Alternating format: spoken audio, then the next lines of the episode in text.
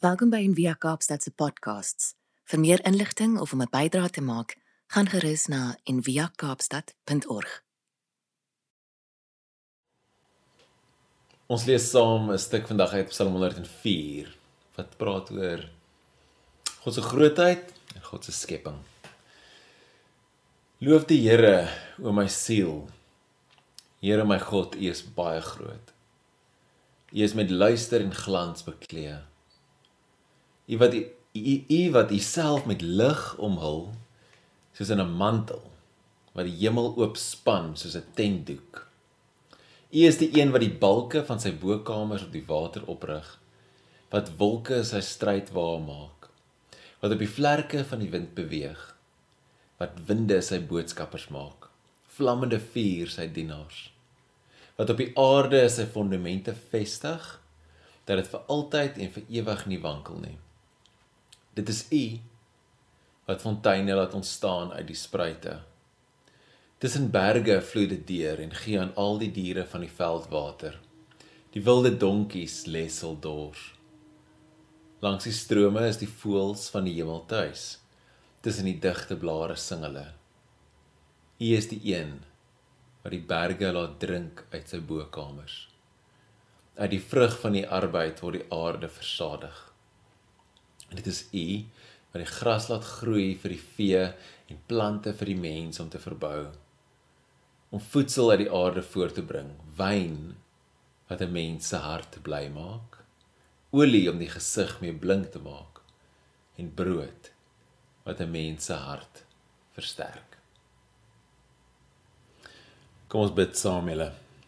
En dankie Here dat ons vandag hier bymekaar kan kom so op uh, Sint Fransisdag en verwonder kan staan oor u skepping wat u gemaak het en hoe ons daar binne in pas. Mag u ons oë oopmaak ons ore oopmaak en ons liggame oopmaak vir u wêreld. Amen. 'n gedig wat by my gebly het in hierdie tyd het ons 'n paar keer gebruik ons liturgie ook maar dit het net so by my gebly ek dink ek wil dit net weer 'n keer met julle met julle deel. Die gedig is geskryf deur uh o, ek weet nie die naam uit te spreek nie. Shelan Harkin, hoop ek. Shelan Harkin. Maar dit is die mooiste eerste reël. Dit sê the worst thing we ever did was put God in the sky. Out of reach. Pulling divinity from the leaf, sifting out the holy from our bones insisting God isn't bursting dazzlement through everything we've made a hard commitment to see as ordinary. Daai is so mooi. Daai eerste reël, the worst thing we've ever did was to put God in the sky. En ek dink dit is wat wat hierdie seisoen van die skepping wat ons in die laaste maand mee besig is, ons leer, reg? Is dat God is nie iewers ver in die lig nie. So vandag sit ons af met die seisoen van die skepping. En dis Sint Fransisdag. Sint Fransdag dan op die 4 Oktober en ons vier dit gewoonlik by Envia die son die Sondag die naaste aan die 4de.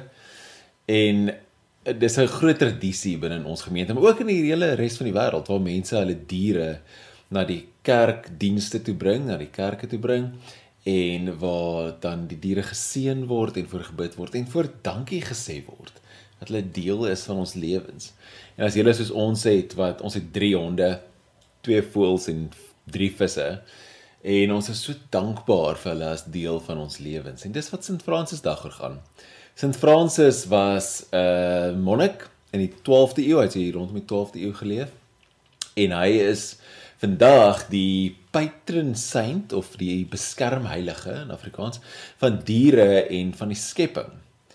En as jy hom sien in ikone, dan sien jy hom altyd saam met voëls en wolwe en bokkies en alles. En hy het toe al groot respek gehad vir die aarde en vir die diere, vir die skepping. Hy het byvoorbeeld die voëls sy susters genoem en die wolwe sy broers. Stories is vertel van hom van hoe hy vir die voëls preek, die evangelie vir hulle vertel, die goeie nuus. Ehm um, en renasies met wolwe het en sy vriende was hierdie was konyne en visse en hy het oral met die in die diereryk en die skepping hierdie vriendskap gevind nie net onder soos mense en diere nie, maar ook soos die son en die maan en die wind en die lug en die aarde self. So hy het selfs hier aan die einde van sy lewe toe hy baie siek was, het hy 'n ding geskryf, dit is soos 'n 'n canticle wat 'n tipe chant is eintlik. A canticle for brother sun of eintlik a canticle of the creatures. En hy het dit gekomponeer en saamgesit en om God te prys vir sy skepping, vir die son, die maan, sterre, wind, water, vuur en aarde. En dan gaan dit eintlik nog verder, maar daai eerste paar is so mooi. So ek wil eintlik vir jou lees. Dit is nou in Engels, maar hy skryf Most high all powerful good Lord. Yours are the praises, the glory, and the honor, and all blessing. To you alone, most high, do they belong. And no human is worthy to mention your name.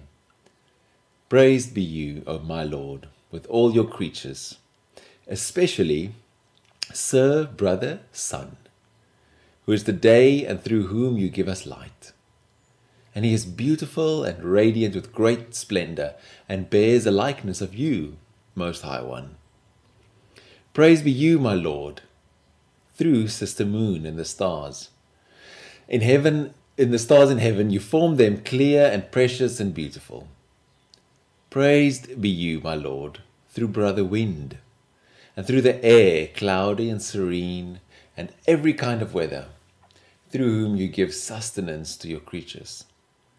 Praised be you, my Lord, through Sister Water, who is very useful and humble and precious and chaste. Praised be you, my Lord, through Brother Fire, through whom you light the night, and he is beautiful and playful and robust and strong. Praise be you, my Lord, through our sister Mother Earth, who sustains and governs us, and produces various fruit with colored flowers and herbs. So jy kan sien net hoe hy God sien binne in die skepping. Hoe hy sien hoe die skepping God prys deur net te doen of te wees dit wat dit is. Ja. So as ek hierdie kan kort saamvat, hierdie hele seisoen van die skepping is al soos twee dinge wat ons geleer het of wat ek gehoop het ons almal leer. Is een dat ons ons rol as die versorgers, selfs die dienaars van die skepping moet opneem. Dat ons as God se beelddraers die verantwoordelikheid en die voorreg het om te sorg vir die skepping. Ons is tuinmakers soos in Eden. Dit is ons werk, ons eerste opdrag. En in 'n tyd soos hierdie waar die mensdom op die rand staan om onsself te vernietig, deur hoe ons die aarde hanteer het, is dit nou soos meer belangrik as ooit vir ons om in te spring en reg te maak waar ons verkeerd gemaak het. Om ons eie letterlike sonde teenoor die aarde te bely en reg te maak. Reg, dit is nie net genoeg om te sê jy is jammer nie. Jy moet iets verander ook. Dis mos die ding. Ons sê ons is jammer, ons is nie regtig verander nie. Jy moet sê ek is jammer. Ek was verkeerd. Dan wat kan ek doen om dit reg te maak? Net soos ons dit vir mekaar moet sê wanneer ons droog gemaak het, moet ons dit ook vir die aarde sê. En die skepping moet sê ek is jammer, ek is verkeerd. Wat kan ek doen om dit reg te maak? En dan te begin en dit reg te maak. Anders te leef. Nie net omdat jou verantwoordelikheid is in teenoor die aarde nie, maar omdat dit so 'n goddelike opdrag is. Dit sê my hierdie is belangrik. Dit is soos deel van ons spiritualiteit om te sorg vir die skepping. Dis nie net ietsie wat ons doen om in te pas of wat die zeitgeist is van die oomblik nie. Dit is deel van ons spiritualiteit as mense wat agter Jesus aanloop. En met dit is raak ek aan die tweede ding wat ons geleer het. Dat ons spiritualiteit is nie een van losmaak nie, maar van vasmaak. Nie van detachment nie, maar van attachment. Joodse Christen spiritualiteit is altyd dit. Dis altyd van vasmaak, nie van losmaak en ontsnap nie. En wanneer jy hierdie Psalm lees, ons nou gelees het 104 en baie ander psalms en in die hele Bybel is God is soos diep diep betrokke by sy skepping. En hy het die skepping gemaak vir die mens om aan te leef en dit te geniet. Ek so mal op Psalm 104 wat sê wyn wat 'n man se hart bly maak, vir mense hart bly maak en olie vir sy gesig en brood om hom sterk te maak. Dis soos daai dis so hierdie hierdie hierdie visceral tasbare spiritualiteit wat ons kry in die Bybel. Wat ons baie keer mislees of ongelukkig verkeerd geleer is. God openbaar homself deur sy skepping. God is nie sy skepping nie, daar's 'n verskil. God openbaar homself deur sy skepping. En dan nie sodat ons net op die ou end moet ontsnap en na 'n ander plek toe moet gaan nie, hemel toe moet gaan nie. Maar eerder dat ons nou hier meer eg in hierdie skepping kan leef. Ons spiritualiteit mag nie een wees van verwydering nie om onsself op te sluit en bloot te wag nie. Maar een van nader staan, hande in die grond druk, letterlik van omhels, van vasgryp Jesus beweeg altyd na die mense. En dan selfs die kere wanneer hy onttrek het om te bid en te herlaai, ek kan dink as jy Petrus is een van die disippels het, dan jy nodig om te herlaai. Dan was die doel altyd om weer terug te keer. Na, na is die twee letter woord wat die hele storie van die Bybel opsom. Ons spiritualiteit moet beliggaam wees en nie net in 'n ons is hand Jesus se hande en voete en nou kan ons liefdadigheidswerk doen nie dit is 'n 'n spiritualiteit waar ons God se openbaring kan voel en ervaar in ons eie lywe. Wanneer ons ons lyf voel beweeg voel asemhaal voel warm en koud kry is dit iets iets van God wat ons ervaar. Die lewe wat hier deur ons aarde vloei in ons bors klop wys vir jou dat God lief is vir jou. Die blote feit dat jy hier is, jy kan hoor wat ek sê, dat jy saam met my sit, dat jy teenwoordig is, is 'n bewys van God se liefde. Selfs 'n bewys van sy bestaan. Die feit dat jy bestaan, wys vir ons God is liefde. Wanneer ons iemand omhels, wanneer ons iemand soen, wanneer ons in die natuur rond beweeg en die koue water van hierdie Kaapse See op ons lywe voel, beweeg ons op 'n manier binne in God self in sy openbaring. Die Joodse mystici het gesê dat dit is baie so mooi, het gesê God het toe hy die wêreld gemaak het homself oopgeskeur en die heelal binne in homself geskape om mens te leef om mens te wees, te leef, wyn te drink, brood te eet, te ervaar, te voel is die doel. Dis waarvoor God jou gemaak het. Om vir sy wêreld te sorg, om sy wêreld te dien, om hier te wees. Ek glo so en ek sê dit so baie, maar dis so in my big fat Greek wedding, I said die ma vir die dogter, I gave you life so you can live it. Ja, dit voel vir my so dis vir die Here vir ons almal sê, ek het jou lewe gegee sodat jy dit kan leef. Ek het nie vir die lewe gegee sodat jy eendag kan hemel toe gaan nie. Ek het die lewe geleef sodat jy kan leef. Dis wat hierdie hele seisoen ons na toe uitnooi. Om saam met God se wêreld, saam met sy skepping te leef.